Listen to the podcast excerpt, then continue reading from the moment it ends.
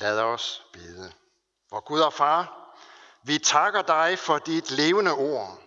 Tak fordi du vil os noget med det ord, som du har givet os. Og vi beder dig om, at du også nu i dag, ved din gode helligånd, vil gøre, at vi må høre det ord, sådan at det bliver til tro på dig. Og til tro på, at du virkelig har oprejst din elskede søn fra de døde til liv og til salighed for os. Amen. Det er det hellige evangelium, skriver evangelisten Matthæus.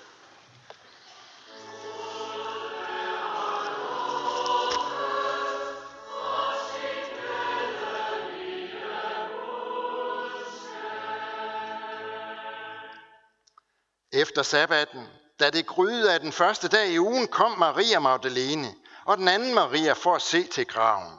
Og se, der kom et kraftigt jordskælv for Herrens engel steg ned fra himlen og trådte hen og væltede stenen fra og satte sig på den.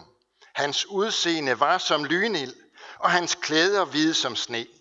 De, der holdt vagt, skælvede af frygt for ham og blev som døde. Men englen sagde til kvinderne, frygt ikke, jeg ved, at I søger efter Jesus den korsfæstede. Han er ikke her. Han er opstået, som han har sagt. Kom og se stedet, hvor han lå. Og skynd jer hen og sig til hans disciple, at han er opstået fra de døde. Og se, han går i forvejen for jer til Galilea. Nu skal I, nu skal, der skal I se ham. Nu har jeg sagt jer det. Og de skyndte sig bort fra graven med frygt og stor glæde og løb hen for at fortælle hans disciple det. Amen. For et par uger siden besøgte jeg sammen med konfirmanderne Vestre Kapel, og vi var rundt på kirkegården for at se nogle af de gravsteder, som skiller sig lidt ud fra de øvrige. Nogle af dem, fordi de har en særlig sten, eller en særlig tekst, eller en særlig indretning af gravstedet. Eller måske fordi det er nogle særlige mennesker, der ligger begravet der. Nogen, som var noget særligt. Nogle grave er mere besøgte end andre, og nogle grave er ligefrem berømte. På Assistenskirkegård i København, der ligger mange kendte mennesker fra Danmarks historien begravet. Der kan man se H.C. Andersen og Søren Kierkegaards grav. Der ligger Niels Bohr og H.C. Ørsted, Dan Tyrell, Kjell Abel, og der er mange flere. Og det er jo gravsteder, som, som mange mennesker synes, at de er sådan på en eller anden måde lidt sjovere at se. Jeg har også været i Roskilde Domkirke og set kongegravene der. Og øh, det er jo også på en gang lidt, både lidt sjovt og samtidig lidt mærkeligt at tænke på, at stort set hele kongerækken ligger begravet der. Og hver eneste dag, så kommer der tusindvis af mennesker for at se gravene, både inde i kirken og i kapellet udenfor. Og det er jo ikke kun i Danmark, at det er sådan. Rejser vi ud i verden, så er det noget lignende der. For nogle år siden, der var vi på rejse i Israel, og så skulle vi også hen på en kirkegård i Jerusalem og finde Schindlers grav, ham som filmen Schindlers liste er lavet om. En mand, som under 2. verdenskrig reddede mange jøders liv, og derfor var jøderne ham meget taknemmelige. Og da han så døde, ja, så blev han begravet i Jerusalem. Og vi fandt også hans grav. Og så kunne jeg se, der lå sådan en kæmpe bunke øh, små sten oven på graven. Fordi sådan bruger man det så øh, i Israel, øh, hvor det er varmt og hvor en blomst ikke holder ret længe. Så ligger man en sten i stedet for. Og de mange sten, de vidnede jo om, at der havde været mange mennesker at besøge graven. Pyramiderne i Ægypten er i virkeligheden øh, jo også kæmpe bygningsværker, som er rejst over døde mennesker. Altså det er, det er egentlig gravminder. Og de bliver besøgt af tusindvis af mennesker og berømt verden over. Overalt i verden findes der grave og gravminder, som på forskellige måder er sat over nogen, som har betydet noget i verden. Og derfor besøger så mange mennesker. Og som regel, så er det jo sådan, øh, for de kendte, at jo større betydning de har haft, jo større og flottere gravminde er der bygget over dem, og jo flere mennesker besøger graven. Alligevel, så må vi bare sige, at det er sådan, at den grav, som er den mest berømte i hele verden, og som har haft den allerstørste betydning for verden, det er bare en ganske simpel klippegrav. Et sted, som vi ikke engang helt præcist ved, hvor er, i udkanten af Jerusalem. Og det er den grav, vi hører om i dag. Når det er sådan, at den grav er den mest berømte, og at det er den grav, som har haft den største betydning, så skyldes det jo én eneste ting, nemlig at den er tom. Det er det, der gør den til noget særligt. I alle andre grav, der er der spor af dem, der har ligget der. Men det er der ikke i den her grav. Den er tom, og det har den været siden tre dage efter, at den blev taget i brug. Og det er det, som vi har fokus på i dag, at den grav, som er verdenshistoriens mest berømte grav, den er tom. For, vi, for hvad betyder det? Det betyder for det første, at Jesus lever. Da englen mødte kvinderne ved graven, så fortæller Lukas os, evangelisten Lukas, at han, at øh, han mødte dem med nogle helt fantastiske ord. Han sagde nemlig, englen sagde til dem, hvorfor leder I efter den levende blandt de døde? Hvorfor leder I efter den levende blandt de døde?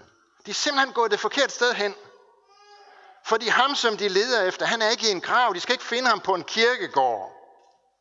Han er opstået, og derfor er han levende.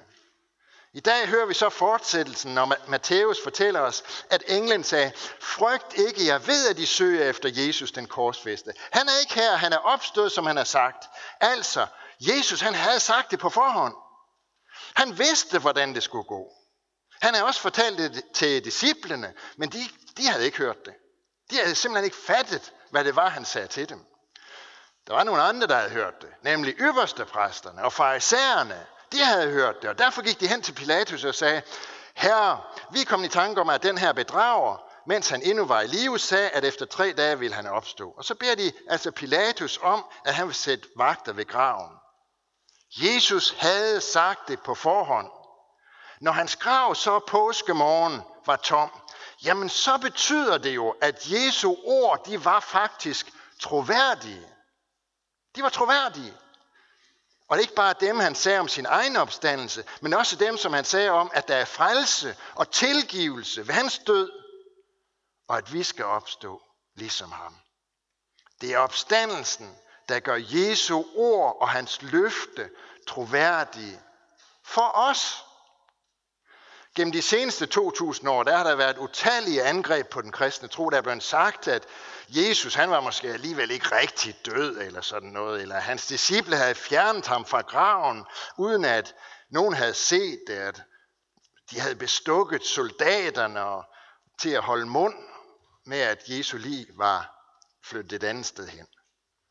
Bogen, der hedder Da Vinci-mysteriet, det er sådan set bare en lang øh, teori i den stil, og en forvanskning af den kristne tro, hvor man ser bort fra, at opstandelsen virkelig har fundet sted. Men er det virkelig mere sandsynligt, at det skulle være gået sådan til, at rygtet om Jesu opstandelse skulle bygge på en sammensværgelse, en løgn eller noget i den stil? Er det mere sandsynligt? Jeg, jeg har faktisk altid undret mig over, hvordan journalisterne formår at få fat på de mest spændende nyheder fra det politiske liv på Christiansborg. Fordi det mest spændende, det er jo nu engang altid det, som vi ikke må vide. Så som når der er en eller anden regeringsrokade undervejs, eller et nyt øh, øh, politisk udspil, eller noget i den stil. Alligevel så slår det aldrig fejl. Der er altid en eller flere journalister, som på forhånd kan fortælle os, hvad det er, der er under opsejling. Hvordan kan det være? Jo, det er jo fordi journalister, de har deres kilder inde på Christiansborg. Og lige så snart flere mennesker kender til en hemmelighed, så er der altid en, som ikke kan holde tæt. Også selvom det er en, der er med i inderkredsen. Charles Colson, han var rådgiver for præsident Nixon under Watergate-skandalen. Og han skriver faktisk i sine rendringer, at netop Watergate-skandalen har gjort ham til en kristen og gjort det klart for ham, at Jesus virkelig er opstået fra de døde. Fordi der var otte eller ti mennesker i USA, som var med i den inderste kreds omkring præsident Nixon, og som vidste, hvad det var, der foregik under Watergate-skandalen. Og Colson, han skriver så i bogen, at det eneste, de her 8-10 mennesker skulle gøre, det var at holde deres mund i cirka tre måneder, så ville det hele sådan lige så stille være drevet over. Og der var ikke nogen far for den personligt. De blev ikke truet eller noget som helst. Alligevel kunne de ikke holde på hemmeligheden. Og lidt efter lidt, så sivede det ud, hvad det var, der var foregået. Til sidst, jamen, så stod de nærmest i kø for at bekende, hvad de havde gjort. Så er det Colson, han skriver, Jeg ved, at Jesus er opstået fra de døde, for det var helt modsat for Jesu disciple. De blev truet, og de satte livet ind på det. Og en efter en døde de martyrdøden på grund af, at de holdt fast i, at Jesus virkelig var opstået fra de døde. Det ville aldrig have kunne lade sig gøre, hvis det var en løgn, skriver Coulson. Den tomme grav betyder, at Jesus lever. Og det har betydning også for os, fordi han stadig lever og er her i dag. For det andet betyder den tomme grav, at der er tilgivelse. Det er simpelthen opstandelsen, der gør forskellen. Fordi når Jesus er opstået fra de døde, så betyder det jo, at han har vundet over døden. Og det kan nemmest blive til sådan en eller anden floskel, som vi bare siger, uden at tænke nærmere over det, at Jesu opstandelse, det betyder, at han har vundet over døden. Det er jo rigtigt. Men hvordan kunne Jesus vinde over døden? Ja, det kunne han kun ved samtidig at overvinde djævlen og synden. For djævlen vil kun én ting, nemlig anklage til døden. Og det gør han ved at pege på synden og fastholde det, som Guds ord siger, som vi fokuserede på i fredags, nemlig at syndens løn, det er døden. Altså, synden fordømmer til døden. Synden medfører døden. Det er både Gud og djævlen enige om. Men nu er det så, at påskebudskabet det lyder til os. At Jesus har overvundet synden. Han har sonet den ved at lide døden på et kors for vores synder. Og dermed er synden slettet ud. Der er betalt for den. Den kan ikke længere anklage øh, os ved Jesus. Den kan ikke. Vi bliver ikke anklaget på den måde. Det betyder, at det ikke bare er synden, der er overvundet. Det er djævlen også. For når der er slået en streg over synden, og den er tilgivet ved Jesu død, så har han ikke længere noget at anklage os for den onde. Så er der ikke længere noget, der kan dømme os til døden. Og det betyder, at så er, det, så er døden altså også overvundet, både for Jesus og for os. Det er det, som opstandelsen betyder.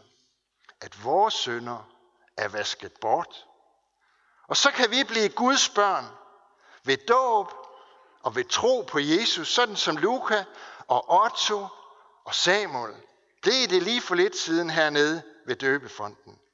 Det kan vi af en eneste grund, nemlig at synden og døden og djævlen er overvundet ved Jesu opstandelse. Og derfor betyder opstandelsen også, at der er tilgivelse. Det var det andet, så kommer vi til det tredje og det sidste, nemlig at opstandelsen betyder, at vi kan og vi skal leve et nyt liv. Apostlen Peter, han udtrykker det så fantastisk, når han skriver sådan som Daniel læste det for lidt siden, at vi er genfødt. Vi er født igen. Ikke til at leve livet, som om Jesu opstandelse ingen betydning havde. Men vi skal leve det liv, som vi er blevet født til som Guds børn. Nemlig det liv, hvor der er et levende håb. Vi har fået et levende håb. Det er vi. Det har vi, fordi vi er genfødt til en uforgængelig og ukrænkelig og uvisnelig arv, lød det, som ligger gemt i himlen til os. Under 2. verdenskrig, der var det sådan i en koncentrationslejr et sted, at nogle amerikanske og engelske soldater, de i alt hemmelighed havde fået bygget sådan en interimistisk radio, som gjorde, at de kunne høre nyheder fra London. Og på den måde hørte de så også budskabet om, at tyskerne kapitulerede. Budskabet om befrielsen. Det budskab, det jublede de over. Og det fyldte alt hos dem, selvfølgelig gjorde det det. Alligevel så var det sådan, at livet i koncentrationslejren, det gik videre, som det plejede. For de tyske soldater, de havde nemlig ikke hørt det. Og de havde ikke fået besked på noget. Budskabet om sejr og frihed, det fyldte alt for amerikanerne og for, engel, for de engelske soldater. Og det gik ligesom en løbeild igennem lejren. Selvfølgelig gjorde det det. Fangerne jublede, de glædede sig, de så frem til friheden. Fordi selvom det ikke gjorde nogen forskel for dem lige nu, så vidste de, at, at sejren var vundet. Og en dag så vågnede de op til en lejr, hvor cellerne var låst op, og hvor de tyske soldater var væk. Jamen, det er jo på samme måde for os. Graven var tom. Det betyder, at Jesus lever. Det betyder, at synden og døden og djævlen er overvundet. Det betyder, at der er tilgivelse. Men på mange måder, jamen så ser verden jo ud, ligesom den altid har gjort, fordi frist, djævlen han frister mig stadigvæk til at synde. Og dagligt falder jeg for hans fristelse og synder mod Gud. Og djævlen han anklager mig og siger, hør min ven, så fortjener du døden. Der er det, jeg skal sige til ham, nej, for Jesus har sonet synden. Og jeg ved, at selvom jeg falder, så har han vundet for mig. Derfor betyder den tomme grav også, at jeg skal leve et nyt liv. Jeg skal nemlig leve et, et liv i lys af opstandelsen. Jeg skal leve i bevidstheden om, at selvom verden ser ud, som den gør, så har Jesus vundet sejren. Vundet over synden, vundet over djævlen, vundet over døden. Og derfor er han herre over dødens magt, sådan som vi skal synge det lidt senere. Og netop derfor kan vi i dag sidde her i Herning Kirke, og så kan vi ønske hinanden oprigtigt og ærligt glædelig påske. Amen. Vi lover og priser og takker dig, vor Gud og Far, himmelske Far, for livet og alle det skaber. Tak fordi du lod din søn komme til jord og hengav ham til lidelse og død for vores skyld. Men himmelske Far, tak at du også oprejste ham fra de døde og lod ham vinde sejr over alle mørkets magter. Vi takker dig, Jesus, at du gik i vort sted, døde og opstod for os. Tak for din opstandelse, og fordi du i dag har mindet os om den. Tak, at du lever og er hos os, også når vi samles her i din kirke. Tak, at vi kan leve som frelste mennesker, der allerede nu er genfødt til nyt liv ved tro på dig. Gør, at vi alle må leve vort liv med dig, Jesus, som vores Herre og Frelser, og få al den lykke, som du har tiltænkt os som dine børn på jorden. Giv os også den lykke. Hvis du ikke kommer mens vi lever, at vi så kan lægge os til at dø, sådan som man lægger sig til at sove. I vidsthed om, at når vi vågner, så skal vi se dig, Jesus, og opstå, virkelig opstå til evigt liv, sådan som du er opstået. Vi takker dig, du gode Helligånd, at du gør alt dette levende for os, giver os troen og vil fuldføre det, som du har begyndt i os. Og vi beder om, at du vil forny os i tro på dig i håbet om Jesu komme. Vi beder for børnene som døbes, at de må blive oplært i den kristne tro. I dag beder vi for Luca, Otto og Samuel, at de må vokse i tro på dig. Vi beder for forældrene, at de må få visdom og vilje til at vise hen til dig.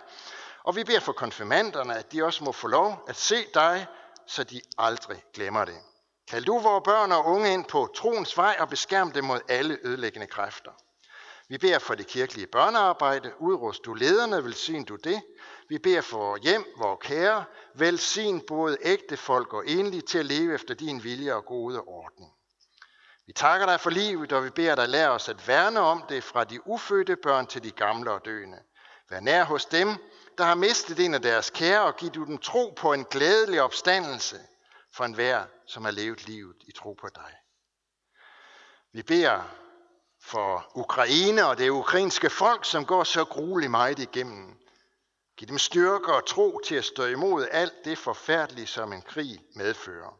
Vi beder sammen med vores medmennesker der, bryd det ondes magter, læg verdens sår. Tilgiv os, når vi svigter og er passive.